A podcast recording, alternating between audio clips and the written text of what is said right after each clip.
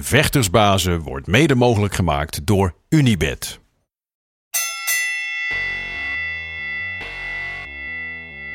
Are you ready for Vectorsbazen?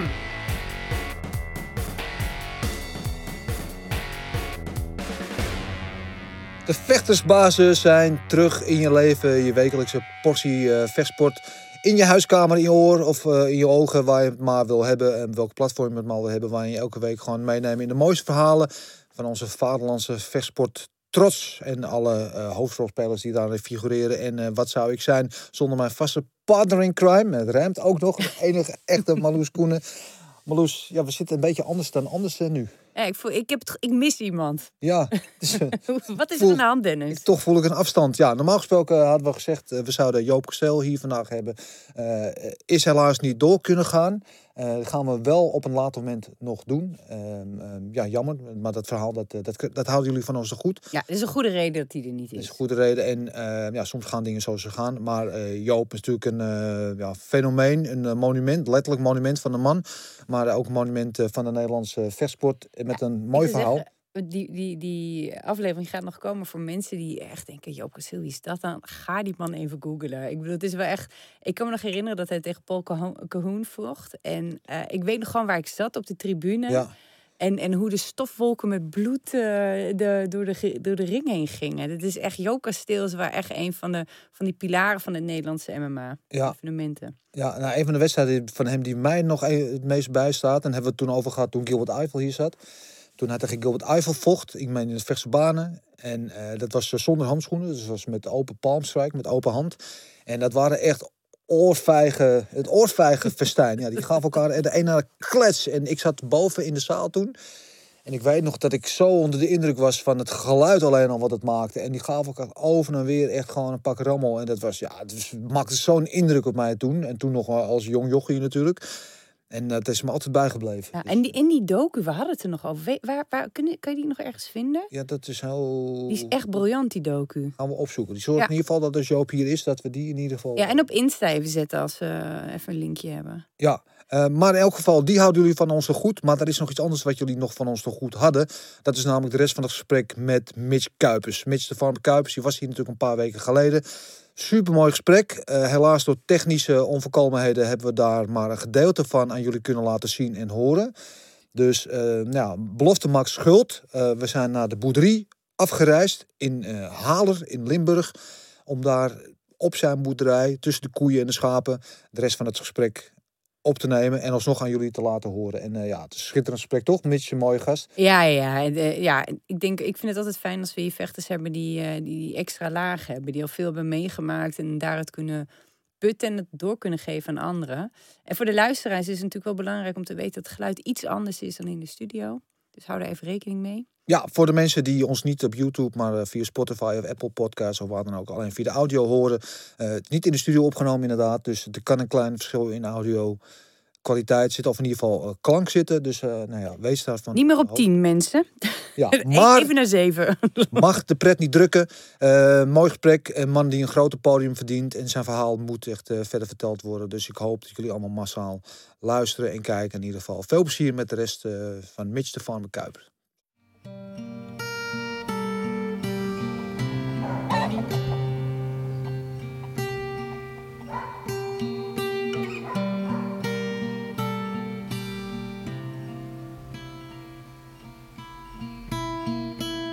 Hebben de lab grond, dat is ongeveer, eh, ongeveer 2 hectare. Nou, daar staat de stier. Als je bij die, die hoop kijkt, dat is afval staat de stier. Ik heb nog drie mini varkentjes en die hoge eikenbomen daarachter, die zijn nog van mij. Dan hier die, die rij willige knotten en dan loopt het zo door ja, tot net achter de bulldozer, een stalletje en dan die, die reuze eik die, eh, ja, die sluit het erg af, zal ik maar zeggen. Goed Mitch, we waren de vorige keer gebleven bij je was aan het vertellen over nou ja, wat er allemaal gebeurde in de naloop van die rugbreuk. Ja, Dan weet je op een gegeven moment, ja, dat zo, zo worstelen, dat wordt het niet meer. klopt. Dan moet je revalideren. Dat is denk ik, ja, Ja, we hebben een jaar of twee zijn we bezig geweest met een, eh, met een revalidatie. Dat alles weer ja, voor zo 100% mogelijk als ik kan voelen, zo 100% mogelijk voelt, zeg maar. En na twee jaar, toen, eh, ja, het vechtsport dat kruipt toch waar het niet kan komen. Toen moest ik toch weer iets in, eh, in de vechtsport eh, gaan doen. Ik eerst begonnen met, eh, met MMA. Maar dat, eh, dat ging niet. Dat was ja, een paar weken trainen, een paar weken pijn. We hadden nog twee partijen in gedaan. Ja, maar wacht even, dan, dan heb je net een vreselijke ruggenbreuk gehad van, van, van het showworstelen. Ja. En dan denk jij, dan ga ik MMA doen, dat is wel goed voor me. Ja, goed, ik denk eh, dat de vechtsporter onder ons mm, ja, dat niet gek vinden eh, om, eh, dat ik dat gedaan heb. Dat, ja, dat zit erin, dat moet eruit. En ja, het gooien en smijtwerk vond ik mooi met, met mensen. Dus ja, dat was mijn eerste keuze. En, want ja, die, die echte, die heftige slams van, eh, van het MMA, dat, ja, dat, dat ging gewoon niet. Of eh, van het, eh, het showworstelen, dat ging gewoon niet. En met, ja, met MMA, dan val je incidenteel echt heftig. Maar dat, ja, dat ging gewoon niet. En toen ben ik ja, eigenlijk een beetje noodgedwongen maar teruggestapt naar het kickboksen. Ja. Wat ik dan ja, voor de conditie één keer in de week een beetje deed. Ja, hoe vond je dat? Dat vond ik helemaal niks. Waarom niet? Omdat ik eh, door een paar jongens werd ik daar eh, afgesmeerd. Dat, ja, ja, ik heb een lijstje gemaakt van vijf jongens. Die jongens die weten dat ook, dat ze op mijn lijstje stonden. En eh, ik denk dat als ik die terug heb gepakt, dan stop ik acuut met kickboksen. En twee zijn mijn teammaatjes geworden. Dus dat was wel leuk. Die zitten ook bij Team Gunjar. En eh, één jongen, die heb ik, eh, ja, dus voor de corona, een paar maanden voor de corona, van mijn lijstje afgestreept. En dat is nou een van de trainers van mijn, eh, van mijn sportschool, ja. Ja. Ja, ja, nou zitten we er middenin, nou loopt het lekker. ik kan mee met, Maar wat was dat omslagpunt voor jou? Wat was het moment dat je dacht van, hé, hey, hier zit er misschien toch wel muziek in, misschien vind ik het wel leuk, misschien ben ik er wel goed in? Ja, ik, ik won alle wedstrijden eigenlijk. Dus ik, ik verloor eigenlijk, eigenlijk niks. De eerste, de eerste partij die ik verloor, die, eh, ja, dat, was, dat, was gewoon een lompigheid. Ik kreeg een hele knullige openbare waarschuwing. En eh, ja, dus die verloor ik op punten. Terecht. En ja, verder eh, heb ik eigenlijk heel weinig, eh, weinig verloren. Ja. Dus ik kon, eh, ik kon gewoon mee met die jongens. En, En toen ja. dacht je, ik heb een tweede kans gekregen nu, ik heb een tweede win, tweede leven. Ja, ja goed. ik ben op een gegeven moment dan naar mijn, naar mijn eerste partij ben ik overgestapt naar Fidan. Ja. En naar Fidan Gym. En die zei met jouw mentaliteit en inzettingsvermogen ehm, kun je nog A-klasse worden. En toen was ik al 27. Dus eh, hij zei ook heel eerlijk, talent heb je niet. Maar het is gewoon, eh, ja, je werkt gewoon hard. En, eh, ja, ja, goed, hij was in ieder geval eerlijk. Dus, en dat moet ik ook wel hebben. En ben, bij hem ben ik tot, tot de B-klasse geraakt. Ja, toen zijn we eigenlijk een beetje uit elkaar gegroeid. En eh, hebben we samen gepraat en hij zegt, ja, als jij nog die A-klasse wil halen, dan kun je eigenlijk naar twee sportscholen in de buurt. Dat is of Siam Gym of, of Ali Gunjar. Ja, Ali Gunjar die kende ik persoonlijk omdat ik in Eindhoven gewerkt heb. Dus dat was voor mij de, de logische stap. En eh, ja, Ja. nu zijn we een aantal profpartijen verder en we hebben er pas twee verloren. Ja, kampioen geworden zelfs meer. Kam- kampioen geworden, ja. ja. Ja. Dus eh, ja, goed, het feit dat ik, eh, dat ik meedoe met, eh, met deze klasse jongens, dat is, dat is voor mij al speciaal. Ja. Dus winst of verlies, ja goed, natuurlijk, als ik kom, dan kom ik om te winnen. Dat zie je ook aan mijn partijen. Ik ga niet, ik ga niet als ik één stootje krijg, een beetje pijn heb, ga ik liggen. Dus voor, ik voor iemand die jou nog nooit heeft zien vechten, omschrijf eens. boers. Ja, nee.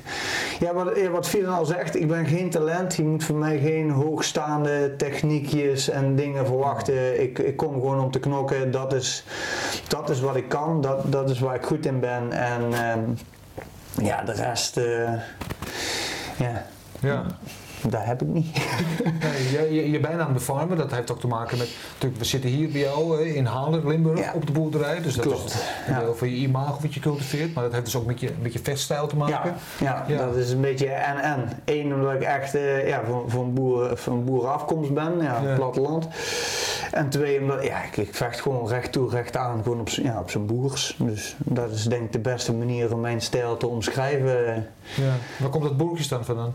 Boerkistan, dat is, eh, nee, dat is Ali Gunjar eh, zijn, zijn grapje geweest. We hebben een, een echte multiculti gym met jongens uit Marokko, Turkije, Suriname, Afghanen. eh, we hebben alles trainen en nou, regelmatig komen er mensen over de vloer bij Ali. En dan het gaat altijd hetzelfde, of Ali of bij Suleiman. Van, wij hebben hier alles trainen. Turkse jongens, Marokkaanse jongens, Surinaamse jongens, Nederlandse jongens. En dan word ik aangewezen, en boeren. Dus na een paar maanden dat ik daar trainde, toen zei ik tegen Ali van ik heb hier gewoon mijn eigen nationaliteit. En toen zei Ali van eh, ja maar je komt toch ook uit Boerkistan? Ik zeg ja nou heb je wat gezegd. Dat zeg je tegen de verkeerde. Dus ik heb nou een Boerkistaanse vlag laten maken. Mijn opkomstnummer heb ik zelf gemaakt Ja. met een vriend van mij. Dat is het Boerkistaanse volkslied. Ja je hebt de bus gezien. De bus is helemaal volgeklapt. Dus je Dus- komt, je komt met een tractor kom je naar de ring. Soms kom ik met een tractor op de ring. Ja, ja, ja naar de ring. Ja, Dus ja. je hebt het helemaal gecultiveerd. Ja, het is, het is, het is een, ja, een image eh, geworden inderdaad, ja. Ja, dat is echt een En dingetje. Heb je een reputatie mee opgebouwd. Dat is, ook natuurlijk, dat is allemaal een deel van de act, neem ik aan. Eh, nu hebben we corona sinds, eh, sinds ruim een jaar. Hoe is het vechten voor jou nu? Ja, lijkt me kloten. Ja, goed, het, eh, ja, ja, dat is gewoon eh, een, lastige tijd voor iedereen. Ehm, mijn geluk is het dat ik een eigen sportschool heb, dus dat ik door heb kunnen trainen, dat ik die mogelijkheden heb. Ehm, die heb ik ook gepakt, dus ik ben in de periode natuurlijk niet zoals de normale tijden doorwezen trainen, maar wel, eh, ik heb wel regelmatig ingehouden in mijn trainingen, dus ik, eh, ik heb me fit gehouden, ik heb me eigenlijk wel aardig op gewicht gehouden. Dus, eh, maar ja, echt met, eh, met zin gaan trainen zat er niet in. Ja, Nee. nu, nu ik 17 april een partij heb staan, ja, Ja, want nou, 17 april vecht je bij WFL WFL, ja, tegen Kevin Nesteling. tegen Kevin Esseling. Ja, leuke pot. Een leuke pot. We krijgen ook meteen een degelijke tegenstander tegen. Ja, anderhalf jaar niet kunnen vechten. Dan zo'n kaliber eh, jongen tegenkomen. Ja, goed. Of ik die ga winnen of verliezen, dat, eh, dat wordt sowieso een pot van Ja. iedereen die die, die, die die stream koopt. Ja, die, die, die zit op het puntje van zijn stoel. Of ze nou voor mij zijn of voor Hesseling Ja. of voor allebei niet. Wat wordt dat voor wedstrijd? Ja, eh, als je hem kent en mij kent, dan wordt het een beukpartij. En het is gewoon. eh, ik denk dat, dat, dat de kans dat in die partij een KO gaat vallen aanzienlijk is. Of van zijn kant of van mijn kant. Ja, Maar ik, zijn kant. Ja, ik ga er wel vanuit dat, eh, dat mijn pantoffel als eerst op zijn kindertje komt, ja. Dus eh, dat, dat, daar werken we voor. Maar ik denk, eh, ja, als, als de strijd voorbij is, dan heeft het publiek heeft sowieso gewonnen. Want eh, ja, ik, eh, ik ken hem een beetje, niet zo super nog. Maar ja, hij, eh, wat, wat ik van hem gezien heb, is, is een jongen die kan, die kan incasseren en die kan voorwaarts blijven gaan. Ja, je kan ook incasseren en voorwaarts blijven gaan. Dus dat is gewoon eh, twee auto's die op elkaar afstormen. Dat, is gewoon, dat, ja, dat wordt gewoon dynamiet, klaar. Ja, ja. Nou ben je vrij laat ingestroomd in de kickboxsport. Ja. Dus zo'n jaar als afgelopen jaar met corona is natuurlijk een verloren jaar voor jou. Want ja. Ja. de tijd werkt niet in je voordeel. Je Nee. bent niet de jongste meer. ben niet Zeg met alle. Ik ben nog veel ouder, dus ik mag het zeggen. Ehm, wat wil je nog? Wat wil ik nog? Kijk, ik zou het liefste wil ik nog bij een mega huge organisatie eh, een keer mijn kunsten vertonen. Gewoon echt op een wereldplatform. En dan kom je in de 77 kilo klasse al gauw bij Glory terecht. Ik zou ook graag op zich bij One Championship mijn, eh, mijn kunsten willen laten zien. Dat zijn eigenlijk de twee, eh, de twee platformen waar ik nog op zijn minst één keer wil, Ja. wil shinen. Hoe Ja. kom je daar? Hoe kom je daar? Ja, hard werken. Ja. Is de enige manier. Ik ben hier gekomen door, eh, door hard te werken. En ehm, ik, ik ga daar ook komen door hard te werken. Ja, maar we leven in een, in een tijd dat alleen hard werken of goed je best doen is niet meer genoeg. Want je moet iets speciaals hebben, je moet je via social media laten tonen, je, je moet iets. Ja. ja, het is heel vervelend. Het gaat niet alleen meer om de vechten, het gaat om het hele plaatje tegenwoordig. Nee, klopt. Ja. En goed, ehm, Heb je dat? Wat doe jij dan, denk je aan het plaatje? Nou ja, goed, hoeveel boerse kickboxers ken je? Goed punt. Ik, eh, ik zie ze wel heel vaak met danseressen opkomen, maar ik heb er nog geen ene gezien met een tractor. Nee, dat klopt. Dus, is eh, vrij uniek in. Ik denk, eh, ja, als je, als je mij ziet, ja, nu, nu kom ik daar net van therapie af, dus nu heb ik een trainingspak aan. Maar als je mij zo ziet, ik weet dat ik van nature wel een redelijk excentriek persoon ben. Ja. En eh, ja, en, eh, en een kale met zo'n lange baard, eh, ja, die kom je ook niet elke dag tegen. Dus zeg, Ik- dan zeg je One Championship en, en Glory. Eh dan denk ik van die twee en jouw gewicht 77 kilo Glory de sterkste league heet ja, op dit moment. absoluut. Ja. Eh eh, Doembe natuurlijk daar de kampioen. Speciaal geval, maar wat eronder zit ook een Hamisha, Myrtle Groenhart, eh Menchikov. eh nou ja, Ja. nog maar een paar. Dus er zitten veel goede vechters in. ja, absoluut. Zit er iemand tussen dat je denkt van nou, kom maar, dat ligt mij wel of die wil ik wel? Ja goed, kijk, uiteindelijk iedereen wil Doembe. En in, in die zin, ehm Doembe is sowieso een klasse apart. Dus gewoon eens tegen die jongen staan en vechten en voelen wat, wat hij kan, wie hij is. En al is het gewoon drie rondes lang overleven, dat ik kan blijven, zou kunnen blijven staan. Ja, dat zou ik al, dat zou ik al prachtig vinden. En, ja, en hij kan ook op mijn pantoffel lopen. Hè. Ik bedoel, hij is ook een mens, hij heeft twee armen en twee benen. Dus ja, zolang hij geen derde arm heeft, eh, ja, is er kans. En aan de andere kant, ik vind de Myrtle Groenarts vind ik een jongen die, eh, die met heel, heel zijn hart en ziel werkt. En dan krijg je denk ik ook zo'n zo'n partij waar ik, waar ik nu naartoe aan het werken ben. Dat wordt gewoon een matpartij. Ja. En ja goed, of je nou een kenner bent of, of, of een leek, iedereen ziet het liefste een matpartij. Ja. Gewoon twee jongens die gewoon alles daar op het canvas neerleggen wat ze, wat ze hebben op dat moment. En of je dan aan een korte eind trekt, ja of nee, dat is niet interessant. Hoe zou je hem verslaan? Wat zou je er moeten doen om hem, van hem te winnen? Groenhart. Ja. Eh, ja, hoe zou ik hem moeten verslaan? Pff, Ja, dat, dat wordt gewoon knokken. Dat wordt gewoon, eh, ik denk, eh 1, 2 stoten wegslikken en dan zo zuiver mogelijk eh, 3, 4 stoten eh, terugleggen. Proberen af te breken. Hij, hij kan. eh, hij kan drie rondes lang eh, eh, drukken, maar dat kan ik ook. En eh, ik, daar heb ik heel veel partijen op gewonnen. Dat ik, ik kan heel hard naar voren blijven drukken. Drie rondes, vijf rondes. Want daar heb ik eigenlijk het liefste vijf rondes. Laat mij maar vijf rondes lang gewoon Ja. naar voren drukken. Ehm, ik denk dat ik hem, als ik hem, eh, als ik hem tegenkom, dan zou ik hem overrompelen met, met druk.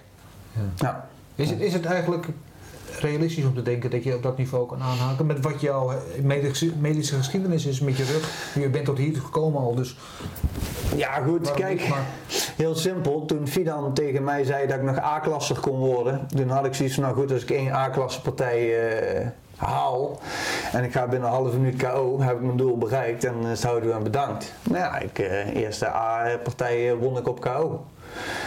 Oeh, ja, tweede A-partij won ik ook. En toen won ik weer. En toen won ik weer. En god man, jee, ik, kan gewoon, ik kan gewoon mee met die jongens. Dus wat ik toen dacht, wat niet haalbaar was, ja, dat... eh, ja, dat bleek haalbaar te zijn. Dus met de jongens waar ik nu tegen, tegen vecht, daar, kan ik, daar kan ik mee. Dus ja, ik kan niet zeggen dat is niet haalbaar. Oké, dus sowieso een vechter moet nooit zeggen dat is niet haalbaar, want dan moet je er niet aan beginnen. Maar eh, nee, ik denk dat ik eh, ja, weer hetzelfde. Hij en ik hebben allebei twee armen en twee benen. Het enige wat ik meer heb dan hij is een grotere baard. Dus eh mijn nou, hij heeft soms ook best een goede baan. Hij heeft ook best een goede baard, maar ik win. nee, ja. Zeg, als je over een paar jaar stopt, ik eh, weet niet, met, normaal gesproken duurt het geen 15 jaar meer voordat je stopt met kickboksen. Ja. Tenzij je Peter Aarts bent, dat is weer een ander verhaal. Dat is een klasse apart, hè. wanneer kun jij met een tevreden gevoel terugkijken? Kijk je nu al eigenlijk al tevreden terug op wat je bereikt hebt in de sport? Ja, ik heb nu al veel meer bereikt dan, ehm, dan wat ik verwacht had dat erin zat. En ik heb met Ali eh, en met André Janssens, die gewoon boksen dan, Ja. heb ik eh, de afspraak van jongens, jullie zeggen het maar. Jullie zien en voelen het beste of het er nog in zit, ja of nee. Als het er niet meer in zit, klaar. Dan is gewoon klaar. Ik bedoel, eh, ik heb twee gordeltjes, nou dat is leuk. Ik heb laten zien dat ik met heel laat beginnen en gewoon keihard werken, gewoon zes dagen in de week, twee keer per dag trainen, dat ik gewoon dit niveau kan halen, hè, dat ik dit niveau aan kan tikken. En als zij zeggen, ja Mitch, het is, eh, de, de, de rek is eruit, je leert niks meer, je gaat alleen maar klappen vangen, eh, je bent alleen maar schade op het lopen, je bent dadelijk vader van vier kinderen. Het is goed geweest, dan kan ik met opgeheven hoofd mijn handschoenen aan het, eh, aan het haakje hangen en dan, eh, dan weer puur focus op mijn, mijn sportschool en eh, de recreanten die daar trainen en de therapieën die ik, die ik voornamelijk geef. Ja. Tot hoever ben je bereid om te gaan, om te bereiken wat je nog wil bereiken? Met wat inderdaad jouw geschiedenis is. Je hebt ook een vrouw, drie kinderen, je hebt je therapiepraktijk, je doet nog veel meer. daar gaan we het straks nog over hebben. Maar ja, je moet straks ook nog een beetje normaal kunnen lopen en door het leven kunnen gaan om Ja. andere dingen te doen. En Daarom heb ik eh, de afspraak ook met André en Ali gemaakt. Dat zij gaan bepalen, niet ik. Want je krijgt altijd, dat, dat weet een vechter, het, het ligt altijd wel, oh ja, nou, maar het was gewoon dat, oh ja, ja de, de wind stond verkeerd. Eh, Je hebt altijd een reden waarom het niet kan. En als je Ben je daar gewoon, bang, bang voor dat je niet eerlijk tegen jezelf durft zijn op zo'n moment? ja, en daarom ben ik nou A-klasse vechter. Omdat ik gewoon, kijk, als je je rug op twee plaatsen breekt en je besluit dan om vechtsport te gaan doen, dan ben je gewoon, als je gewoon Niet goed bij je hoofd. Zwart, eigenlijk. ja, dan ben je echt gewoon niet goed bij je hoofd. Klaar. Zo, zo simpel is het. Ja, daar kun je lang, lang moeilijk over doen, maar zo is het gewoon. En ik weet het en ik ken mezelf en ik ben met niks anders bezig als met, met mensen met mindset, gedachten en nou goed, dat doe je automatisch ook op jezelf. Dan moet je dit soort keuzes moet je gewoon niet bij jezelf neerleggen. Althans, ik niet. Ik kan niet voor anderen spreken, maar als Ali mij nu opbelt en die zegt, Mitch, Kappen. ik heb toch lang over nagedacht, we gaan ermee kappen, ja, dan, dan is het klaar. Nou, maar liever niet. Nee, liever niet. Nee, nou, kijk, eh, ik heb het liefste dat, eh, dat ik op een gegeven moment tegen hem zeg van ja, Ali, eh, pff, el- elke dag trainen en ja, ik werk, als er geen corona is, werk ik ongeveer 60 uur in de week. Dus ik geef ongeveer 60 lesuren met, met groepslessen en therapie eh, bij elkaar. Ja. Twee keer per dag trainen, dat gaat ten koste van quality time met je gezin. En Ja. Kijk, dat, komt ook, kan ook zijn dat daar een periode komt dat het me dat niet meer waard is. Op dit moment is het waard, want ik voel dat er, dat er groei in zit. Ja, goed, en ik krijg nou een, een, een, tegenstander zoals Kevin, die al, volgens mij heeft hij twee keer op Glory gestaan. Dus ja, dat is, dat is alles behalve een pannenkoek waar ik tegen ga. Ja, dat is gewoon een eer om tegen zo'n jongen te vechten. Dus ik ga ook gewoon, ik ben er ook aan het grinden en bikkelen. En mijn vrouw die, die weet hoe ik erin sta, die weet hoe, weet hoe ik erover denk. Dus ik ga gewoon alles daar neerleggen wat ik daar heb. En eh, het is of de dood of de gladiolen, zeggen ze dan. Hè? Je had het net over, over je therapie en groepslessen die je doet. Ehm, ehm, vertel daar eens wat meer over. Je werkt met kwetsbare kinderen, je, werkt, je Ja. geeft uh, agressie-regulatie eh, trainingen. Klopt. Kun je Ja. daar wat over vertellen? Ehm, ja, ik, ik, het, is een, het is een heel breed spectrum wat ik, eh, wat ik geef. Ik heb bijvoorbeeld, als ik dan vandaag pak, heb ik eh, jongeren met, met autisme, gedragsproblematiek, uit huisplaatsingen, ehm, huiselijk geweld. Maar even later op de dag heb ik iemand die, ehm, die heeft een vorm van dementie. En dat is eigenlijk om het ja, dementieproces te vertragen. Dus dan zijn we bezig, ja, ook boxgerelateerd zeg maar. Maar een jongen met dementie zeg Nee, nee, nee, dit is een Oh, oudere nou, man, die ja. is, eh, is, is 71 al. Ja. Ja, dan begeleid ik ook, eh, vandaag heb ik nog een vrouw begeleid, die doet een automutilatie. Dus die, die beschadigt zichzelf. Dus het is een heel, heel breed, eh, breed publiek. Gisteren hebben we jongeren eh, begeleid, daar, daar zitten zedendelicten in. Dus ja, seksueel misbruikt. Eh, jongeren eh, vanuit criminaliteit, drugsgebruik, ehm, ja, dus uit huisplaatsing. eh, ja, noem, noem maar op. Dus het is een heel, heel divers spectrum. En waar ik me in de jaren in, heb gespecialiseerd is als, als, cognitief, als gedragstherapeut, cognitief gedragstherapeut, NLP practitioner, dus neurolinguistisch programmeren, burn-out coach. Nou, ik heb tig opleidingen naar mijn CIO's gedaan. En dat hebben we gebundeld in kickboksen als middel. Ja, dus je, je bent wel echt, echt, je hebt er lang voor gestudeerd. Je bent niet een van de kickboxklaks over. Dat denk ik, ik ga gewoon wat leuke termen roepen en mensen met... Nee, nee, nee, nee, nee, nee goed. Maar- dus- maar- je, kan, je kan van alles van me vinden, Nee. maar dat ik, eh, je kan niet zeggen dat ik, dat ik een pannenkoek ben die zomaar wat roept Nee, of wat maar ik doet. ben heel benieuwd hoe, dat, hoe jij die mensen door middel van het kickboksen, want de, kick, de, de, de kickboxsport is wel centraal in jouw therapie. Ja, toch? ja. dat is mijn, eh, dat, dat is eigenlijk mijn, mijn leading sport. Ja. Ik pak hier en daar sommige eh, op een andere manier aan. Maar over het algemeen eh, de kracht van kickboksen, ja goed, eh, een stukje discipline, ehm, eh, zelfvertrouwen. ehm, je hebt jeugd die, die gewoon overlopen qua stress en spanning, zeker in deze tijd. Die kunnen dat op een gecontroleerde wijze, fysiek, kunnen ze dat eruit gooien. Ik kreeg toevallig vandaag een video van een toekomstige cliënt. Die heeft zijn hele, hele kamer, die zit ook intern bij een, eh, bij een zorginstelling, zijn hele kamer gemolesteerd. Al het servies kapot. eh, die deur, ja, die, die is gewoon helemaal klaar. Eh, alles, alles gesloopt. Ja. Zo'n jongen die, die loopt zo over en die, ja, die schreeuwt eigenlijk om ik moet dat fysiek uiten, want vaak zijn ze verbaal niet sterk genoeg om over emoties te praten, dus om emoties te reguleren.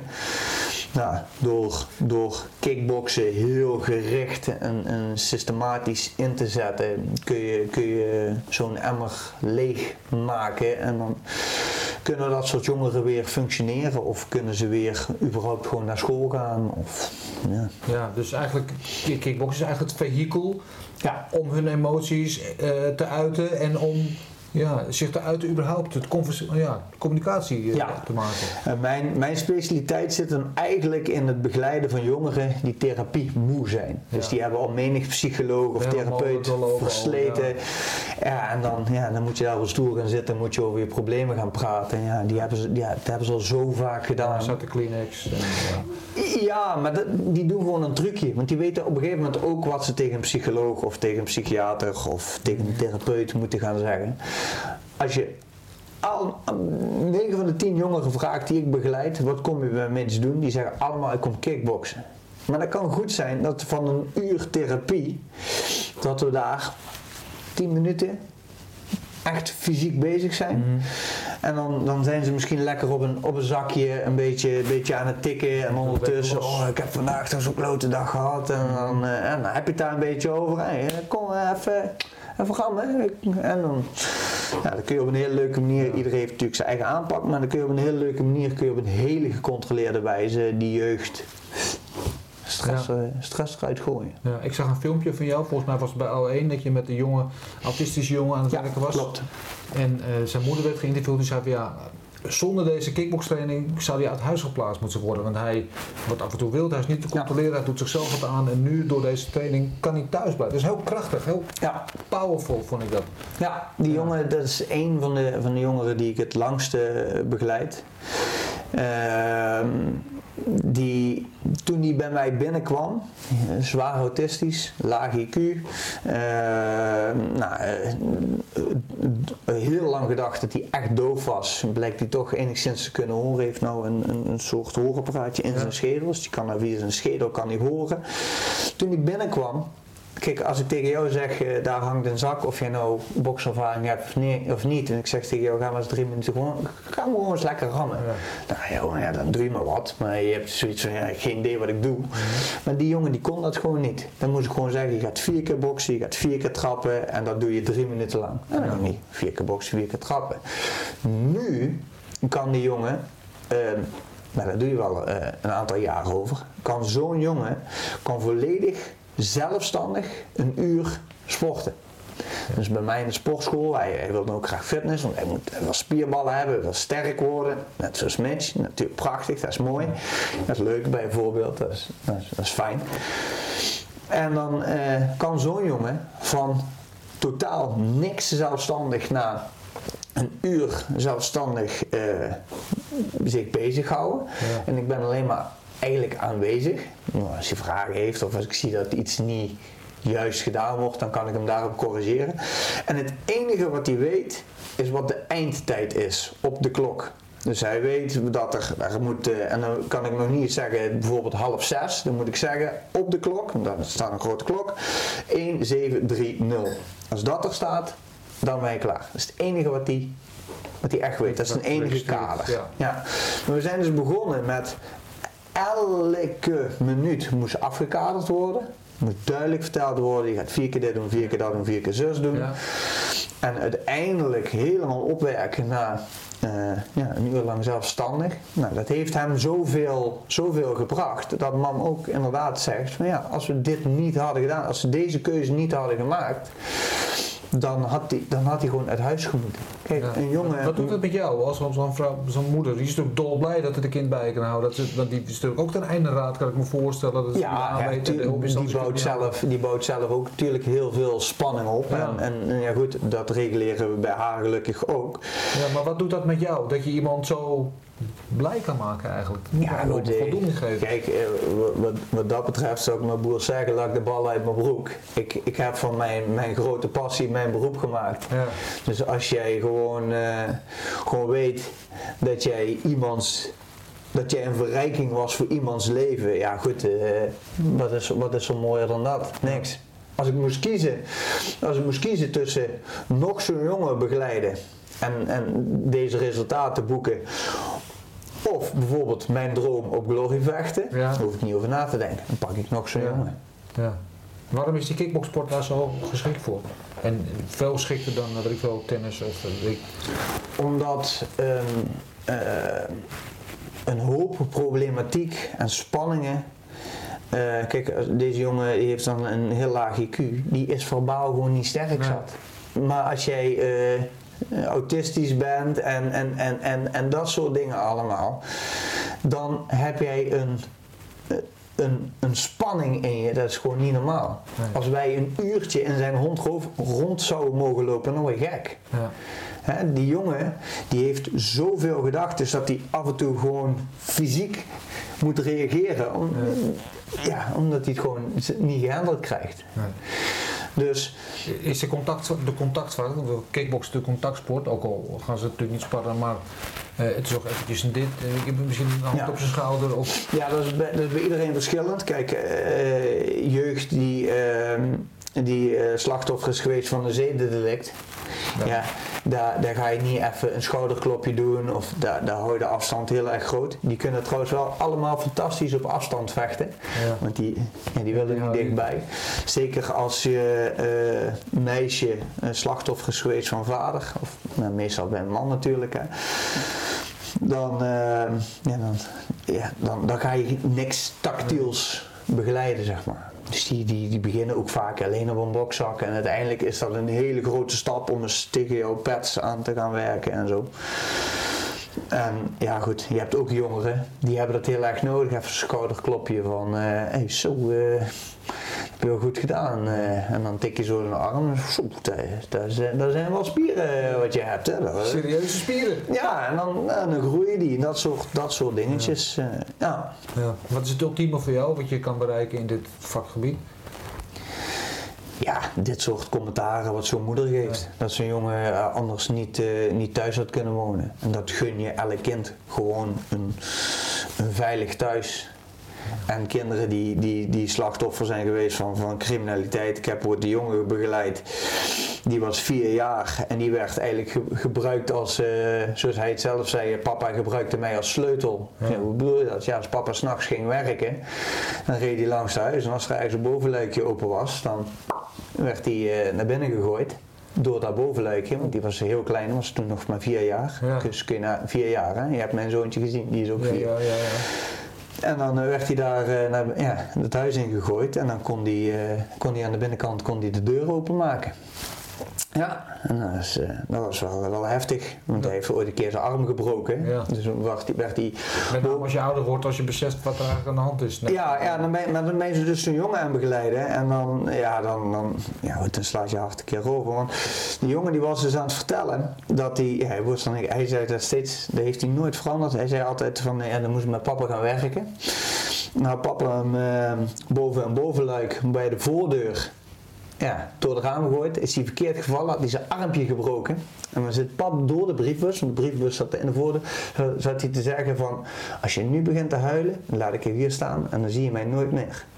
Nee, ja, dat soort kaliber jongens. En als je die enigszins, die heeft dan nu, nu een, een, eh, een, een, een baan, Ja, dus het is nog niet fulltime, want dat eh, krijgt hij mentaal niet gehandeld. Maar ja, goed, zo'n jongen zit nou in een circuit dat hij in ieder geval een baan heeft, dat hij opbouwend bezig is. Ja, goed, eh, wa- wat wil je nog meer dan dat? Ja. Dat is goud waard. Ja, Ja. ongelooflijk. Ehm, ja, schitterende verhalen, Mitch. Eh, eh, we kunnen hier nog uren over doorpraten. Ehm, ik wil eventjes terug met jou naar de sport. We hebben af de ehm, onderdeel de tijdmachine, effectsbazen. Ja. In de tijdmachine gaan we terug naar een bepaalde gebeurtenis in je leven. Jij mag kiezen wat ehm, een moment wat jij nog een keer opnieuw zou willen doen. Het kan zijn dat je het enorm verkloot hebt en daarom graag over wil doen. Het kan zijn dat ik het zo vet vind dat ik het nog een keer wil beleven. Dus zeggen, stap in die tijdmachine en waar gaan we naartoe? Eh, wat, zou ik, wat zou ik over willen doen? Boah. Ja, op zich, ik, eh, wat dat betreft heb ik wel een beetje een achtbaan gehad qua leven. Maar ik zou eh, gewoon voor de beleving, zou ik, dan ben ik weer een 13-jarig mannetje, tot mijn 22e, als ik dan terug mocht, dan zou ik mijn showworstel eh, dingetje nog een keer opnieuw willen doen. Echt waar? Ja. Waarom? Ja, dat, dat, dat, is iets, dat is iets zo aparts. Dat, eh, ja, het is, ja, het is, ja, ja, het is een.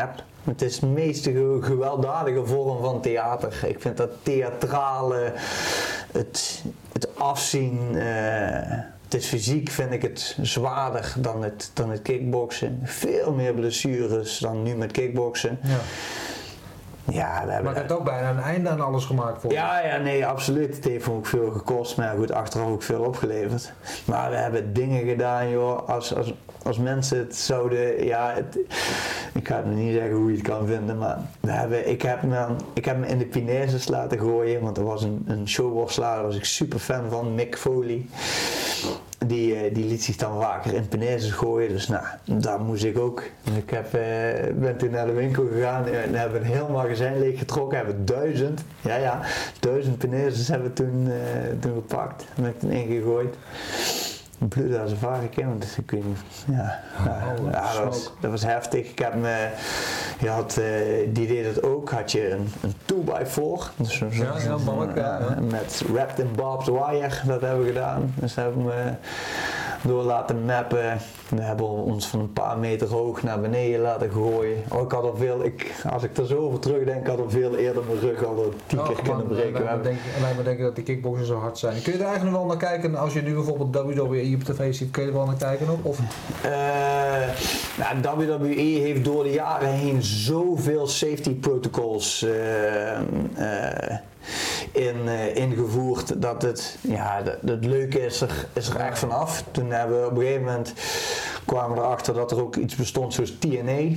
Nou, dat was, dat was echt het. En zeker wat ik interessant vond was de high flyers. Dus jongens die, die springen salto's, ja. ja, van de touwen springen. Maar ja, die hebben uiteindelijk wat afgedankte WWE-sterren natuurlijk in, in dienst genomen. Ja goed, die hebben natuurlijk allemaal eisen en sterrenlures. Dus nou, dat was ook een beetje weg. Dus ja, je hebt hier en daar nog wat, wat, wat leuke underground eh, scenes die, eh, die nog leuke dingen doen. Maar heb je de film The Wrestler ooit gezien? ja, Met met Mickey Mickey Rourke. Ja, Dat is wel... eh, heel rauw hè? En dat, ja, dat ziet. ja, maar dat is wel hoe heel veel eh, showworstelaars eh, leven. En dan, ja, sommigen die hebben echt de, echt de shine gehad. Maar je hebt eh, ja, een van de jongens die ik vroeger heel goed vond was Jake the Snake Roberts. Nou, dat is gewoon epic legend. Gewoon met zijn python. En, maar ja, dan, dan zie je gewoon dat zo'n jongen is gewoon, eh, is gewoon suicidaal en die pakt het pillen en dan baalt hij Ja. dat hij zelfs dat niet kan en eh, zijn eigen dochter ja, die wil hem eigenlijk niet zien en dan staat hij voor een of ander, ja, moet hij ergens moet hij worstelen en dan staat hij in een of andere bak te piezen en ja, het is gewoon, het is gewoon zielig. Zeker als je kijkt, we, kijk in Hulk Hogan bijvoorbeeld, ja, die jongen die mouwt van het geld, maar ja, knieën kapot, heup Ja. kapot, rug heeft kapot. gesport, hè? Ja, dan heb je Steve Austin, eh, eh, nek gebroken.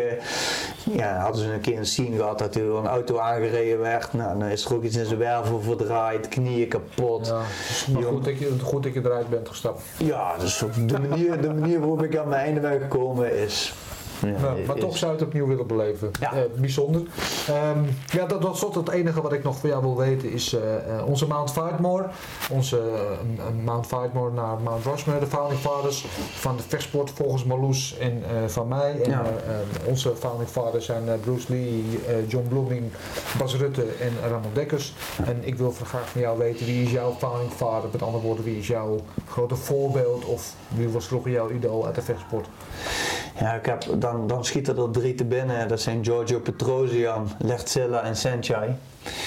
Ehm, en dan, kijk, Giorgio Petrosian is gewoon absoluut de master. Ja, wat vind je zo goed aan hem? Ehm, zijn, zijn, eh, zijn tactics. Die jongen die is gewoon zo slim. Die kan zo goed met zijn afstand omgaan. Die kan gewoon in een split second zijn tegenstander lezen. Ja. Als je hem kijkt, de laatste partij tegen Kiria, ja goed, eh, dat is gewoon zo gecontroleerd, zo goed. Ja. Alles wat die jongen doet is gewoon goed. Al heel lang eigenlijk al Al heel lang. niveau. ja, ja. Ja, ja, ja, Dus dat, is, ja, dat, vind, dat vind ik mooi. Die is ook 35, net zoals ik. Eh, maar wat ik, wat ik prachtig vind is jongens zoals een Lertzilla en een Senchai. En dan denk ik, Senchai die krijgt natuurlijk, ook door zijn status, krijgt hij iets makkelijker tegenstanders eh, toegediend. Dan, dan eh, leeftijd is hij ook al 103 ongeveer. ja.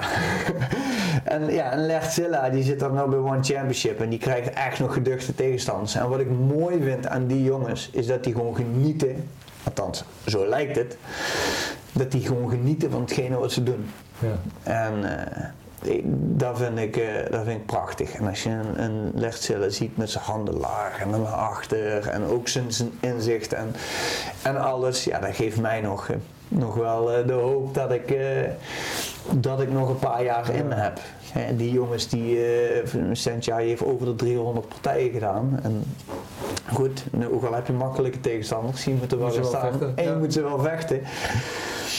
Dus ehm, ja, dat geeft mij wel hoop dat er, nog, dat er nog wat jaren in mijn lijf zitten. Dus ik hoop dat mijn lijf, mijn lijf mee blijft werken. En ja, dat we, dat we nog één keer kunnen shinen op, eh, op wereldniveau.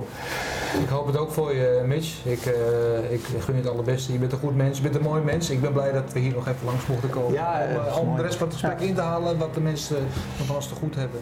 En eh, nee, ik wens je niks aan goeds. Dankjewel man. Ja, tot zover eh, het gesprek met eh, Mitch. Inspirerend verhaal, ik kan niet anders zeggen, toch? Eh, ja, wat een gast. En mooi wat hij allemaal, allemaal doet. En hoeveel lagen, wat jij al zei, hoeveel lagen die man ook heeft. Ja. Ja, Ja, en zeker wat hij, nou, wat hij in de eerste keer bij de studio hier al zei, is van eh, wat, wat het breken van zo'n rug hem eigenlijk gebracht heeft. En, eh, en hoe hij dat nu ook weer ehm, eh, doorgeeft aan de mensen die die counselt en therapie geeft. Ja. en, en, en het is gewoon. Kijk, als je begint met vechten, dan, eh, dan is alles nieuw, is alles leuk en dan zie je vechten als vechten. Maar hoe langer je vecht, en jij zult het denk ik ook- eh, kunnen beamen, je wordt langzamerhand een martial artist. Het vechten verandert je. En wanneer je dan op een niveau komt dat je, net zoals eh, Valdi bijvoorbeeld, en, en meerdere, Moesit doet dat ook, en nou, er zijn zoveel vechters en trainers die dat doen, dat je de martial arts door kunt geven, de, de, de werkelijke lessen. Nou, de werkelijke lessen zijn geen linkerhoek en een knie op een plexus geven, echt niet. Werkelijke lessen zijn van hoe je groeit als mens. En, en, en als je die kennis door kan geven, ja, dan, dan ben je voor mij echt een martial artist. En ik hou daar heel erg van. Hoe zie jij dat?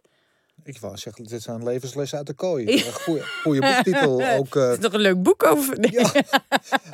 Maar ja, nou ja, ik ben het helemaal met je eens. En ik vind het mooi dat we nu eigenlijk ook twee keer achter elkaar, eerst met Mitch en toen met Val, die hier twee gasten achter elkaar hebben die allebei op een eigen manier, maar wel heel maatschappelijk betrokken zijn. En, en eh, ja, pay it forward, hè, noemen ze dat, eh, teruggeven aan de maatschappij. En, en willen delen met anderen wat ze zelf hebben meegemaakt. Hun eigen ervaringen te gelden willen maken om anderen te helpen. En, en ja, dat is zo waardevol. En dat is wat mij betreft wel echt de spirit ook van martial arts. Dat is natuurlijk veel meer dan eh, iemand zijn kop in elkaar wil slaan. Dat is weet Wat je, ook heel leuk is. wat hartstikke leuk is. En we houden allemaal van een gezonde eh, dosis geweld natuurlijk.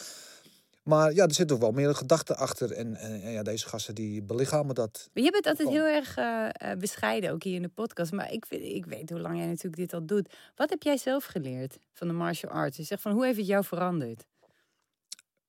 Ja, het is moeilijk denk ik om dat in één zin samen te vatten. Maar het is... Ehm, eh, het is een heel vlak begrip, is natuurlijk respect.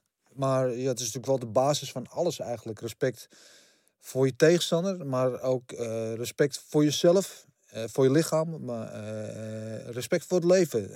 En, en, en dat zit in martial arts zit zoveel lagen in die dat begrip heel goed verpakken. Of heel goed, ja, waar dat heel goed tot uiting komt. Weet je? Want alles wat je doet, je moet respect hebben voor je tegenstander. Je kan niemand over het hoofd zien.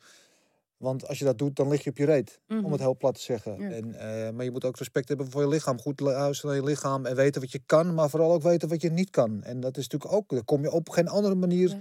beter mee in aanraking dan tijdens vechtsport. Want eh, ja, als jij denkt dat je eh, Bruce Lee bent en flying kick kan maken en dat niet kan, ja, dan is het heel snel afgelopen met je.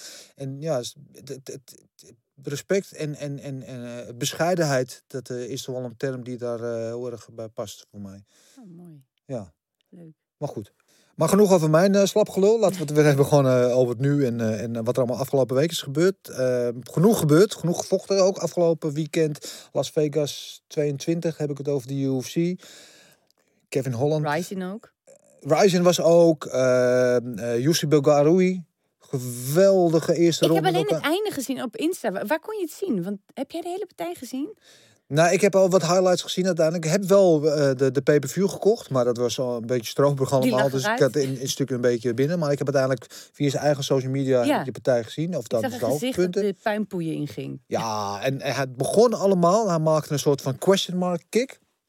En die landde Oh echt- ja, nu weet ik het. Maar, maar raakte die ermee? ja, Want- boven op zijn hoofd. Oh, dat was Ja. het. Ik heb het twee keer teruggekeken. Ik kon niet goed zien of die er nou net onderdoor ging of Nee, niet. hij raakte hem boven op zijn hoofd met een question mark kick. Prachtige mooie techniek. En daarna maakte hij hem af met ground and pound. Echt, Ja. ja, nou, 2-0 nu in het MMA. Ja. Ehm, doet Leuk. goed. Ja, leuk. Dus eh Justri, eh shout-out naar jou. Gefeliciteerd. Ja, keep up the good work. Lekker bezig.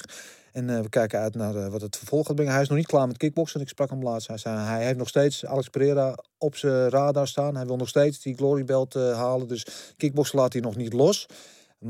Maar hij heeft ook net een nieuw contract getekend daar bij het UAE Warriors. Ja.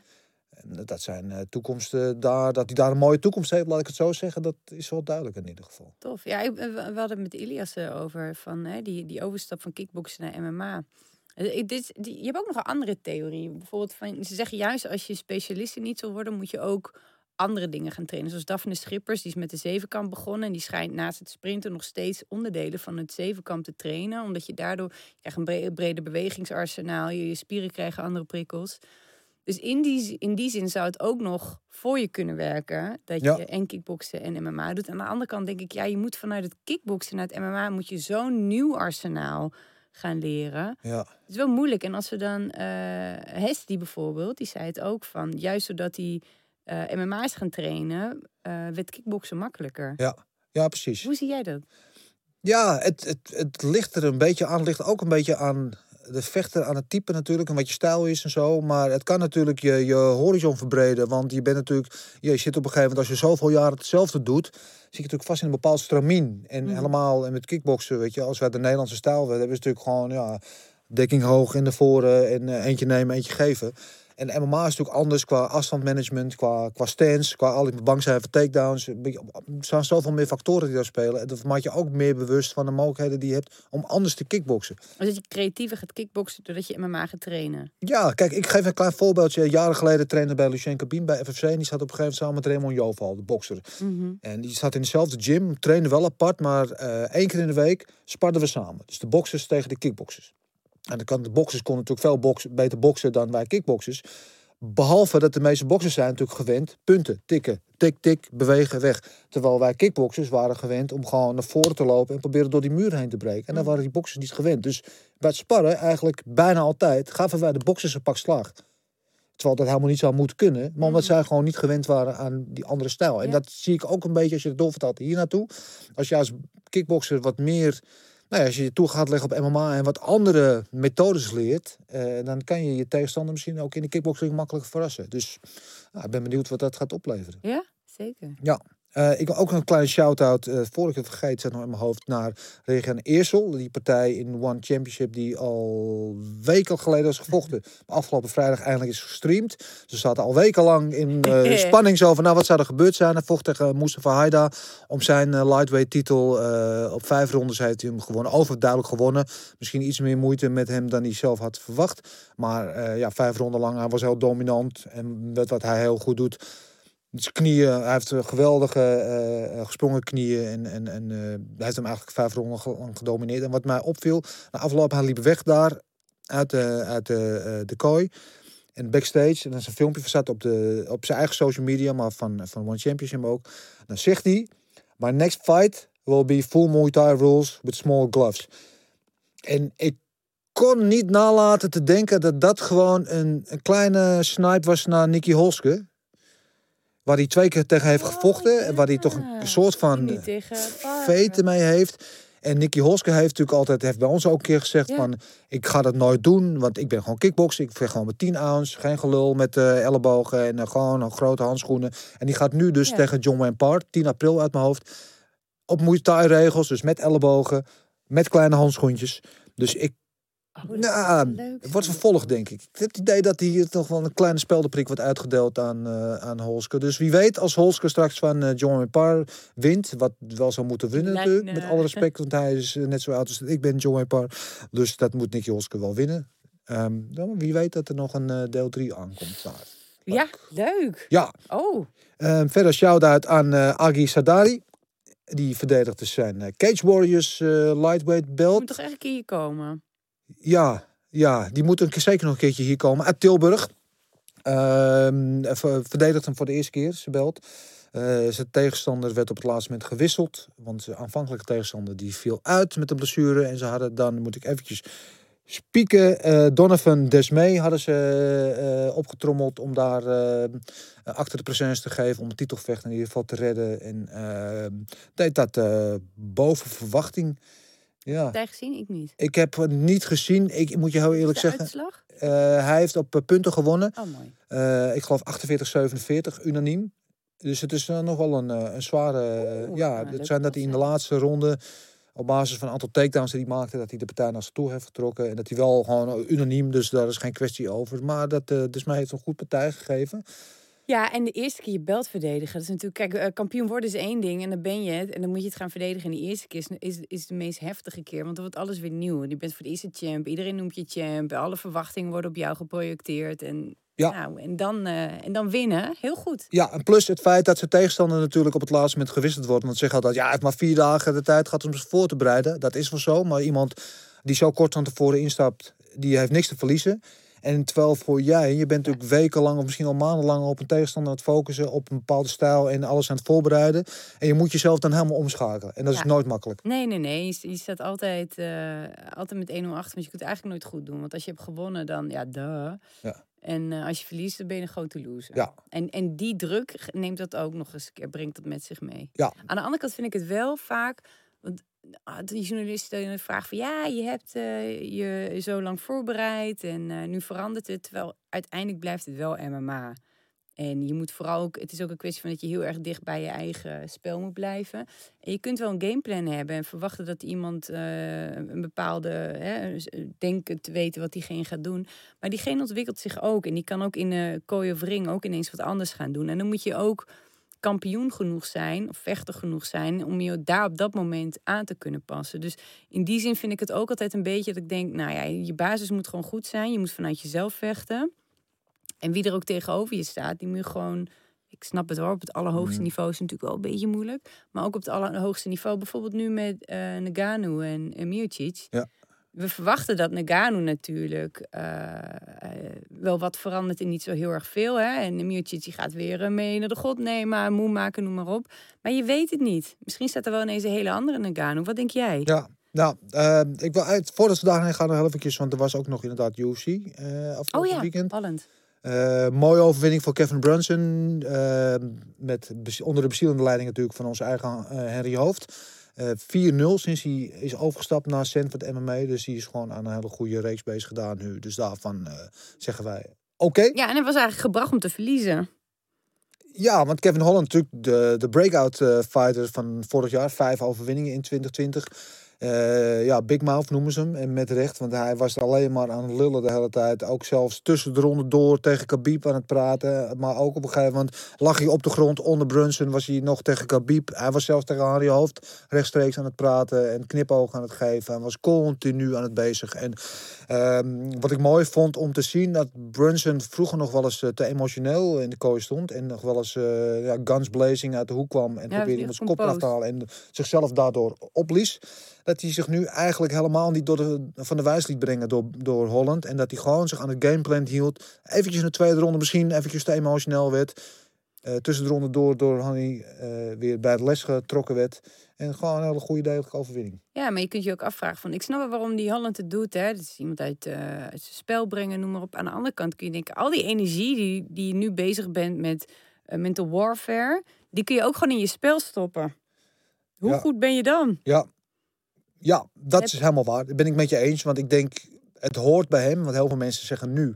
Dana White zei er ook wat over van ja, hij heeft zichzelf eh, eh, verniel, de vernielingen geholpen, want hij bla bla. bla. Ja, het is, het is wie hij is. Want ook in die wedstrijden die hij wint, doet hij hetzelfde. En dan vinden heel veel mensen het allemaal geweldig. Nu verliest hij en dan vinden ze het allemaal helemaal kut. Ja, het is gewoon wie hij is en dat verander je niet eens met die.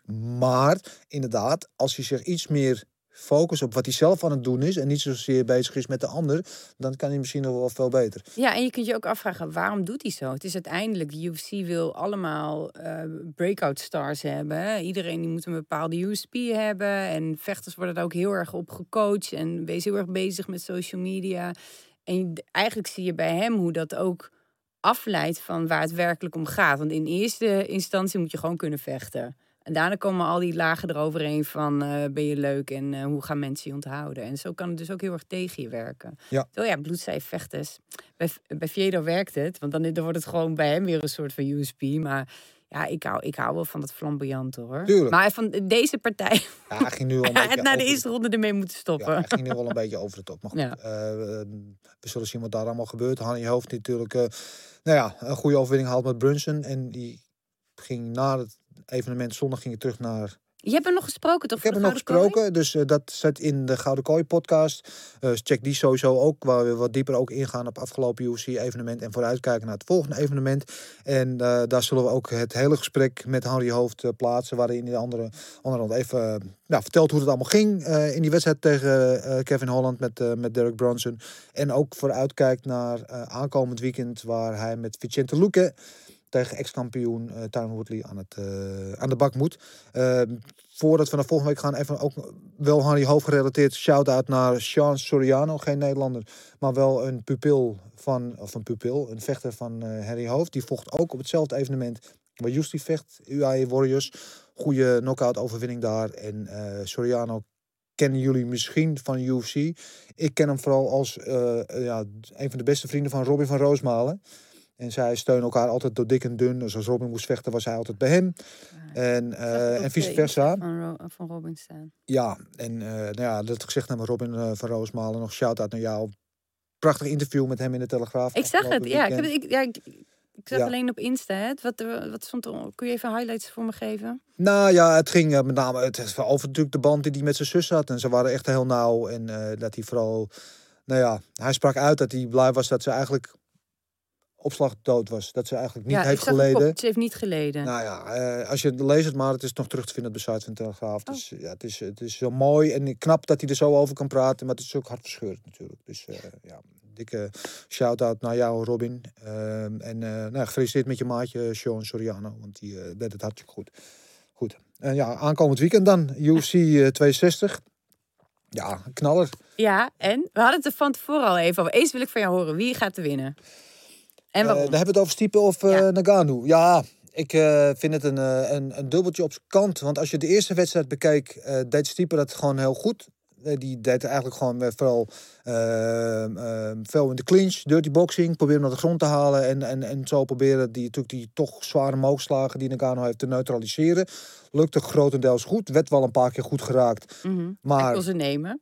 Hij kon ze nemen, zijn kin hield het goed. eh, en het trok zo die partij naar zich toe. En ik verwacht deze wedstrijd eigenlijk een soortgelijk beeld.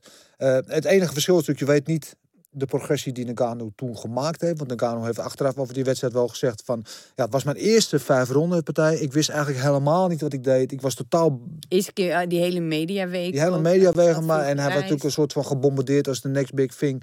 Maar ook dat vijf rondes vechten eh, tegen een, een geslepen, ervaren tegenstander als type. En dat hij eigenlijk gewoon ja, totaal naïef daar in die, in die kooi stond. En dat hij daar echt gewoon wel een paar maanden ook Door van de is geweest. Ik weet het niet hoor. Dus gewoon, is hij dan ook van trainingskamp veranderd? Of is hij, zit hij nog steeds bij dezelfde trainer? Eh, hij is ook van trainingskamp ver- eh, veranderd. En hij heeft, nu, hij is er ook definitief ook in Amerika gevestigd. En hij doet veel bij...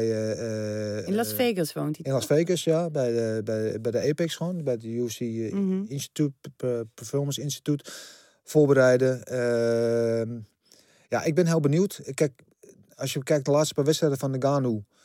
is natuurlijk als een wervelwind er doorheen ge- gejast. Er is onze eigen Jacinho natuurlijk onder andere het Mhm. slachtoffer van geworden. Hij heeft geloof ik in drie wedstrijden 90 seconden bij elkaar in de kooi gestaan of zo. Echt. Ja, maar het had ook die partij tegen wie was dat? Dat hij gewoon gezakt deed tegen Brunson? Nee, dat was tegen, nee, dat was tegen Derek Lewis. Ja, Lewis. Ja. Ja, dat, die verloor hij ook. Maar dat, dat, was gewoon een mentale... dat was puur mentaal. Ja. dat was na die wedstrijd tegen Stiepe. hè. Ja, dus hij heeft Dat- twee keer. Nee, maar dat, is, daarom haal ik het aan. Daarom is- vind ik het interessant. Want eerst komt hij zichzelf heel erg tegen op eh, cardio en, en MMA-technisch gebied. Ja. En dan gaat hij weer die kooi in. En, eh, want eh dingen zei ook, mm, de podcasten. Joe Rogan, Rogan, ja. ook weer lekker bezig. Hij zei ook van, ja, sommige vechters komen naar zo'n verliespartij nooit meer terug. Nee. En dat, en dat zei hij tijdens die partij. Je zag hem ook staan, hij durfde niet. En er is echt werkelijk waar, als je in de kooi staat en je durft niet te geven, je, je bent niet in je spel, dat is gewoon het meest vreselijke wat er is. En je gaat alleen maar denken, denken, denken. En je ziet jezelf gewoon eh, slechter, slechter en slechter worden. En dus terwijl je in de kooi staat, weet je nog hoeveel slechter het gaat worden. En die frustratie is vreselijk. En dat je dus na twee van die dieptepunten daarna zo op die manier terugkomt. Dat zegt iets over zijn mindset. Hij heeft hier superveel van geleerd. En ik denk dat hem dat heel erg gaat helpen in deze partij. Dat denk ik ook. Want hij is ook een atleet. Want als je naar hem kijkt, 100%. denk je... dus, Ja, nee, maar niet de atleet van waar iedereen het over heeft van... Oh, ik kan zo goed swingen en hij heeft uberkracht. Maar als je ziet, kijk, een jab geven, dat, dat is niet zo heel moeilijk. Dat is een directe stoot. Maar als je een uppercut wil geven, dan sta je eigenlijk in een soort van lunge, waarbij je ook nog moet indraaien, dus waarbij je uit balans raakt. Dan moet je de snelheid in hebben, je moet de juiste timing hebben en je moet de juiste kracht hebben. En de juiste plaatsing, want zo'n kindertje is natuurlijk niet zo heel erg groot. En dat geeft voor mij aan wat voor, voor atleet hij is. En waar het nu om gaat. Dus ik denk dat hij mentaal goed in zijn vel zit. Hij Ja. weet nu wat hij kan verwachten. Hij heeft aanpassingen gemaakt. Hij kan nu omgaan met die druk en met die media. Hij heeft niet meer dat ongeslagen eh, aura om zich heen. Dus dat is ook lekker weggevallen. Het wordt ons meer ontspannen voor hem. Hij heeft alles te winnen. Het enige waar het nu om gaat is hoeveel groei heeft hij doorgemaakt om te kunnen winnen. Daar ben ik met je eens. En wat ik eh, al in de Gouden Kooi al eerder heb gezegd, wat een factor is in mijn beleving. En door het, op dat idee gebracht overigens door eh, DC, door eh, Daniel Cormier. Mhm. Dus niet helemaal, helemaal zelf bedacht. Maar die zei, ja, als je kijkt naar Stiepers en geschiedenis, gaan hem steeds ongeveer een jaar tussen die partijen om zijn kind te laten herstellen. Want in die laatste partij tegen Cormier, wat nou, nog geen half jaar geleden is, eh, in oktober was het, eh, heeft hij toch ook wel wat slagen te verwerken gehad. En eh, zijn theorie is, toen hij van Stipe won op knockout, had hij ervoor tegen Nagano gevochten. Van Nagano gewonnen, Mhm. maar wel toch schade opgelopen in die wedstrijd. Hoeveel tijd zat er tussen die twee partijen? Ja, minder. Dus had er ook, ook zoiets volgens mij. Half jaar. Ja, zoiets. Ik weet niet meer precies. Ehm, hadden we maar een factchecker die dat wel kan uitzoeken ja. Maar ja, dus en, en daarna is het, zit er steeds een jaar tussen die partijen. En nu is het weer vrij kort. Dus dat zou misschien een, een, een Zou kunnen, maar aan de andere kant denk ik van... Als jij een goed getrainde atleet bent... Stel je hebt dus een heftige partij gehad... doe je twee maanden gewoon vrij weinig. En daarna kun je weer langzaam op gaan bouwen... en gaan pieken naar, Ja. naar dat volgende moment. Dus ik, ik geloof wel wat in... Als je echt een heftige partij hebt gehad... ja, dan moet je gewoon zwaar... Zeker heavyweight, moet je echt van herstellen. Aan de andere kant denk ik... een goed getrainde atleet moet snel kunnen herstellen. dat is waar. Dus maar ja, mijn. eh, maar wie mijn- gaat er nou winnen? Want je hebt nog geen... Ja, avond- nee, nee, nou, nou, mijn two cents is dat ik eh, denk dat dat inderdaad een factor is. Ik denk dat de eerste twee ronden echt eh, heel belangrijk zijn. Als, als Nagano het kan doen, moet hij het in de eerste twee ronden kunnen doen. Als het over de twee ronden heen gaat, denk ik dat het hetzelfde beeld krijgt zien als de vorige partij. Ja. En wie, wie gaat er winnen? En dan winst type. Ja, maar wie gaat in de partij winnen? Ik heb gezegd. Waar ga je op wedden? Gaat de tientje naartoe? nee, ik heb bij de Gouden Kooi bij Gok op Knok heb ik gezegd, het wordt eh Nagano. Nagano. Dus daar blijf ik dan bij. consequent zijn. Oh, ik vind het moeilijk. Ik heb, ik heb, wat jij zegt, ik, ik ben het er helemaal mee eens. Als ik dan moet kiezen, denk ik... Ik ga gewoon tegen jou in. Tuurlijk. En dan, hebben we het de volgende week over. Ik Ja, ga ook een tientje zijn- Als we inzetten. dan samen zijn, hebben we altijd 50% kans dat we het goed Ja, Helemaal goed. En ja, en die wedstrijd, eh UFC, ik heb verloren natuurlijk de Komen tussen Volkanovski en Ortega wegens eh, eh, COVID bij Volkanovski. Wat een heel gek verhaal is, want hij werd getest voordat hij wegging uit Australië. Getest toen hij aankwam in Amerika, niks aan de hand. Hij komt in de bubbel, eh, wordt weer getest. En ja maar dat, dat was ook bij Bellator toen. Dat was zowel met Ilias als met Robin. Die Ja. werden getest in... Ja, en met Brian Hoy was het toen ook in Parijs volgens mij hetzelfde verhaal. Ja, maar die jongens die komen terug in Nederland aan. Ja. En er is gewoon niks aan de hand. Het Nee. heeft echt met die testen te maken. ja, ja het blijft Dus er wel ik denk niet dat het zozeer aan die bubbel ligt. Ik denk dat het gewoon aan het, aan het testen ligt. Ja, nou ja, anyway, die partij die houden dus nog te goed. Die zal verplaatst worden naar een ander evenement. Eh, de nieuwe co-main event is dus Tyron Woodley tegen Vicente Luque, waar Harry Hoofd bij in de hoek staat. En Heeft hij daar nog wat over gezegd? Ja, daar heeft hij wel wat over gezegd, hoe hij die wedstrijd ziet. Eh, dus kijk daar vooral eventjes naar eh, onze socials ook voor het hele gesprek met Harry Hoofd eh, bij de Gouden Kooi. En we zullen hem ook bij Vechterspaas eh laten Wat zien. waren de highlights? Nou, vooral dat, kijk, eh, je weet, eh, even kort gezegd, eh Tyron Woodley natuurlijk de ex-kampioen. En was een Mhm. moment in, in, in, in de tijd dat Tyron Woodley werd gezien als misschien een van de future greats of all time. Of Ja, maar van de- Denen zegt dat hij moet stoppen. Ja, maar Denen Ja, maar dat hij De- moet. Dana, en als hij nu wint, dan wint, is hij weer de beste ooit. Maar eh, ja, in ieder geval hebben ze op een gegeven moment zijn nummer gevonden. En je weet hoe dat gaat met vechten. Als iemand eenmaal je nummer vindt, dan blijven ze hetzelfde nummer draaien. En dan, dan ja, hij kan maar niet meer winnen. Maar je weet van hem, hij is een sterke worstelaar en hij heeft een ongelooflijke harde rechtstoot. Dus dat, zal die, eh, dat doet hij ja, eigenlijk altijd. Ik, hij zal wat moeten aanpassen om misschien dat patroon te doorbreken van verliezen. Maar dat is nou eenmaal de aard van het beestje. En van Loeken weet je gewoon, ja, die komt gewoon op de beuken. Die, die gaat gewoon eh, lopen rossen. En wat zei Henry erover?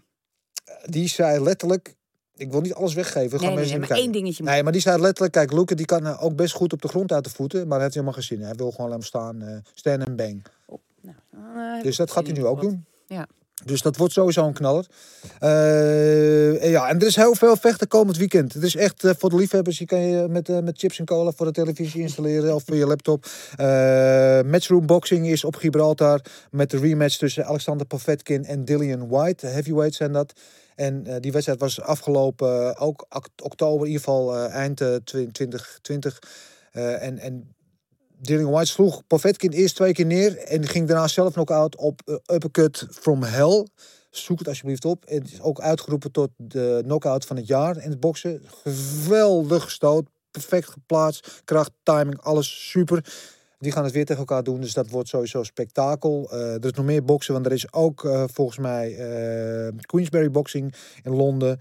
En nou, alle mogelijke MMA-organisaties die je kent, die hebben allemaal evenementen tussen donderdag en zondag. Dus 11E, eh, Titan, eh, eh, ACA, eh, Brave, CF komt weer terug. Dat is volgens mij donderdag. En, eh, en er zijn er nog een stuk of twintig volgens mij die allemaal... Ja, dus het is niet normaal. Volgens mij zijn er echt, eh, echt 20 MMA-evenementen tussen donderdag en zondag. Dus als je het niet wil missen, Telefoon uit. telefoon uit, gordijnen dicht. Ja. Boodschappen doen van tevoren. en, eh, en gaan met die bananen. Dus eh, ja, veel te, veel te zien. Zullen we naar de socials gaan? Ja. Wat heb je deze keer eh, voor me, Den? Ja, nou zoals elke week eh, eh, laten we jullie zien wat ons is opgevallen in de media of op social media. Leuke dingen, gekke dingen, opvallende dingen. Eh, als eerste gaan we naar Khabib. Ja, eh, Khabib die... eh, ja, ik moet Thank you wel om for lachen. Kijk, eventjes een klein beetje context bij dit verhaal. Dana White is natuurlijk een soort van oorlog begonnen tegen illegale streamers. Die natuurlijk UFC eh, pay-per-view evenementen met, na- eh, met name illegaal streamen. Zodat mensen dat kunnen zien zonder ervoor te betalen. De infamous woorden op persconferentie. Ja, zei, ja. we watching him right now. We see you fucker. Dus we hebben hem. Nou, vervolgens zit afgelopen weekend in Las Vegas. Khabib pontificaal naast Dana White. met zijn telefoon. Zit hij gewoon eh, de wedstrijden live te streamen. Ja, en dat eh krijgt, zoals je ziet, eh, krijgt wel waardering van Ja. diverse Denen mensen. zag ook niks. Die zag die hele telefoon niet. En die zat toch echt gewoon schouder aan schouder met hem. Ja, hij zat gewoon echt naast hem. Ja, of hij het niet zag, of dat hij gewoon bang was dat Khabib was gonna smash him. Ik weet het niet. Ja. Ik weet het niet. Ik, Volgens mij, Denen die is wel 30 kilo zwaarder dan hem. Maar hij heeft hem niet meer nodig. Hij is met pensioen. Nou, waarom? ja. Ja. Interessant, maar ik vind, ik vind vooral die teksten eronder goed. Ja, het is ook prachtig. Ik Ja. vind het een geweldig. Een goede eh, grappen ook van ja. ja. Khabib. Het is eigenlijk gewoon een hele dikke middelvinger naar Uncle Dana. Hoe, wanneer zeg ik? Ik bedoel, hoeveel volgers heeft hij wel niet? Ja, miljoenen. Als hij dat streamt, dan... eh Nou, het is ja, volgens mij uitgerekend, eh, de- niet zo lang geleden, dat hij is na Mohamed Salah van Liverpool, de Liverpool eh, voetballer, is hij geloof ik de, de, de meest populaire ehm, sporter, atleet uit de Arabische wereld. Echt? Ja, qua, als het gaat qua volgers op social media enzovoort en fans en enzovoort, interacties, is hij de op één na meest populaire Arabische atleet ter wereld. Dus uh, nou, dit zijn best wel veel mensen die dit hebben kunnen zien. Zeg maar gratis en niks. Dus, uh, Khabib, uh, ik weet niet of je binnenkort een rekening krijgt van de UFC, het zal allemaal niet. Uh, dan de tweede hadden we veel een vriend van de show, Kevin Glenn Pinas. Nou, dat ging over Yusri. Ja, ik moet wel lachen. Natuurlijk een bekende scène uit uh, Rocky. We zien dan Rocky als coach. En uh, in, normaal ligt daar in zijn armen Apollo Creed. Die dan uh, net is doodgeslagen. Ah, dit is niet zo grappig, maar het is maar de film. Door Drago. Maar nu ligt daar dus de tegenstander van Yusri. En de teksten boven, de Free Peace en de Soda, die kennen we natuurlijk allemaal van uh, Masvidal.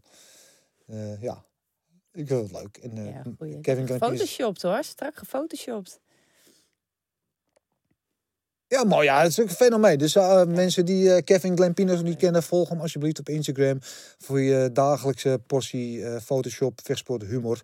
Hij volgt alles. Hij volgt ons ook, dus shout-out naar jou. En hij heeft altijd hele leuke dingen. En dit is, ik moet er wel op grinniken. En hij is net als ons, is heel chauvinistisch. Dus hij is altijd erg voor onze eigen vechters. Dus als iemand anders daar de draak mee gestoken kan worden, dan zal hij dat niet nalaten. Dus keep up the good work, Kevin. Oh. Ja, en dan uh, dit laatste filmpje, dat uh, wilde ik met jou eventjes uh, ook bespreken. Dat gebeurde afgelopen vrijdag op de weging van UFC Vegas 22. Dit is Julia Storialenko uit Wit-Rusland. ja, nou, je kijk, kan misschien best zelf kijken wat er gebeurt. Ze staat op de schaal. En dit ziet er allemaal heel veel, veelbelovend uit. En denk je, nou, is allemaal niks aan de hand. En dan, ja, die ziet de mensen al klaarstaan. Want volgens mij gaat het niet helemaal goed. Wat is er aan de hand? Oh, ja. En ze zakt daar door de hoeven. En uh, dit was de tweede keer. Want even daarvoor dat ze daar uh, lag, uh, ging ze ook al van de weegschaal af. Nou, toen hebben ze er overeind geholpen en weer op de weegschaal gezet. Gewoon, hoezo ga je iemand die flauw is gevallen voor de tweede keer op de weegschaal zetten? Dat kan echt niet hoor. Ja, ze, Derek Lewis, Derek Lewis die stond langs de die zei, hier is oké, okay, maar nee. nee, even zonder gekheid. Ja, ze wilde waarschijnlijk zelf wel. Ja, maar, dat, dat, maar dat is echt... Als jij een dokter bent en er staat blijkbaar sowieso uh, een nurse, is het zo minimaal. Dan laat je een vechter... Ik bedoel, als vechter moet je allemaal checks doen voordat je de, uh, ja. wordt om een partij te mogen vechten. Als je iemand gewoon ziet flauw vallen van een uh, weegschaal, dan is gewoon de partij voorbij, klaar. Nee. Anderzijds, ik vind het... Want uh, jij stuurde me nog die link waarin ze uitlegde wat er gebeurde. Ja. En um, kijk, als je als vrouw, ik, ik zeg al één, ik ben geen dokter. Twee, ik weet niet wat er aan de hand was. Drie, hier is mijn mening. als je uh, bijvoorbeeld gewicht maakt en je bent ook nog ongesteld erbij, dan voel je je meestal niet zo lekker, kan ik je vertellen als vrouw. Um, en je hebt, zij vertelde namelijk dat ze al uh, om vijf uur s ochtends op, op gewicht was. Dus ze moest nog heel erg lang wachten voordat ze naar die skill toe kon lopen. Dus um, dan begrijp ik wel, en dan, nou, dan is het druk op je. Hè, heb ik het wel of niet gehaald? De meeste koop je je eigen uh, skill. Maar ja, is dat wel die wedstrijdskill en noem maar op. Er zijn allemaal lichten op je, er is spanning, er is noem maar op. Dus ik snap ergens wel dat ze flauw is gevallen. Stel dat het zo'n verhaal is. Um, en dat ze zich daarna weer kip lekker voelt. Ja. Dat, dat, maar aan de andere kant, ja, als dokter hoef je daar allemaal geen rekening mee Nee. te houden. En het is gewoon één keer van die één keer flauw vallen. Dag mevrouw, volgende keer vecht je maar weer, maar vandaag niet. ja, mag ik daar wat over zeggen? Jij mag daar alles over Ja, zeggen. ja, overigens die wedstrijd, want ze zou tegen Julia Avila vechten, is wel inderdaad ook gecanceld. Die wedstrijd is niet doorgegaan. Terecht ook. Ja, ik, ik, weet je, ik hoor wat jij zegt en ik snap het allemaal wel. Maar ik vind als je dus zo slecht voelt omdat je zoveel moet kutten, wat de reden ook is, dan is het gewoon niet gezond. Klaar. Ja, maar daar is ook weer een ding. Er moet gewoon meer gewichtscategorie voor Ja, vrouwen komen. Dat is zeker waar. Er zijn er wat meer, maar ik bedoel, dit, ja, dan hoef je ook die gekkigheid niet. Ik bedoel, ik, ben, ik, ik vocht op 145 en er waren geen partijen meer. En ik werd feitelijk gedwongen op 135 eh, Ja. te vechten. Dat was ook geen eh, pretje, Nee, kan ik dat je kan ik me voorstellen. Dat zijn net 10 10 pond te veel. Maar ja, kijk, en, en natuurlijk als je zegt ik was om vijf uur op gewicht en negen uur pas die weging pas. Maar in mijn beleving, ik ben wel eens rond dat soort situaties geweest, zelf nooit meegemaakt gelukkig, maar dat vechters dan s'avonds gewicht maken en dan, dan totdat ze er bijna zijn en dan gaan slapen en dan het laatste beetje 's morgens doen, vlak voor de weging.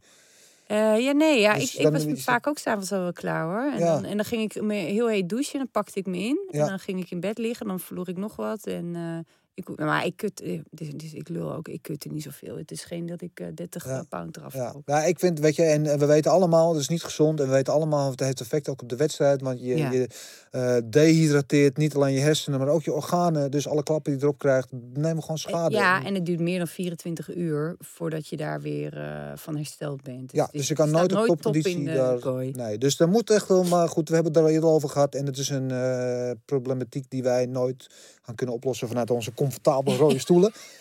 maar ja, ik vind gewoon, er moet wel wat veranderen aan het systeem. Want het is Ja, gewoon, wacht, ja, weet je wat is? Je zit gewoon En kijken naar, je zit gewoon kijken naar een, een, een, een, een treinrek wat op, eh hoe zeg een treinongeluk, sorry. ja, ja. Wat op het punt staat om te gebeuren. En we zitten naar te kijken, we doen niks. Want je kan het op je vingers eh, natellen. Dat is toch afwachten tot het gewoon een keertje fout gaat. Ja, nou ja, dat is wel, wel vaak En dit was wel heel close, maar Nee, Ja. maar het is ook al vaker gebeurd. Er zijn ook wel docu's over een meisje die, eh, volgens mij is het natuurlijk op Netflix, die, ehm eh, daarbij ging het ook heel erg mystisch in coma geraakt. En die, die was echt, ja, kantje boord, bijna dood. Ja, nou ja, goed. eh, niet aan ons om op te lossen, maar wel om aan de kaak te stellen. Dus dat Ja. zullen we ook vooral blijven doen. Eh, nou, dat was het meer voor deze week. Een beetje anders dan anders, maar toch wel weer gezellig. Ja, we kunnen een keer met, met elkaar kletsen, Dan. Vind ik ook wel leuk. Ja, we hebben elkaar een keer wat te vertellen nog. Ja. Eh, nou, ik hoop dat jullie er ook van genoten hebben. En met name van het gesprek met Mitch. Ehm, van volgende week is er weer een normale uitzending. Dan zit hier Andy Sauer, de enige echte Andy Sauer Power. Eh, heb je vragen voor Andy waarvan je denkt, nou, die moet je absoluut aan hem stellen? Stuur even een mailtje naar info.vechtersbazen.tv of laat het even weten via de socials. Dan eh, gaan we proberen het mee te nemen. Of als je andere op- of aanmerkingen hebt, dan kan je allemaal eh, op diezelfde manieren bij ons terecht. Voor nu wil ik je alleen nog even vragen natuurlijk om eventjes te abonneren op onze YouTube eh, of Spotify of Apple Podcasts of waar je ons ook volgt. zodat we weten dat jullie kijken en laat vooral weten in de comments wat jullie ervan vinden. En dan zeg ik voor nu tot de volgende keer. Oeh.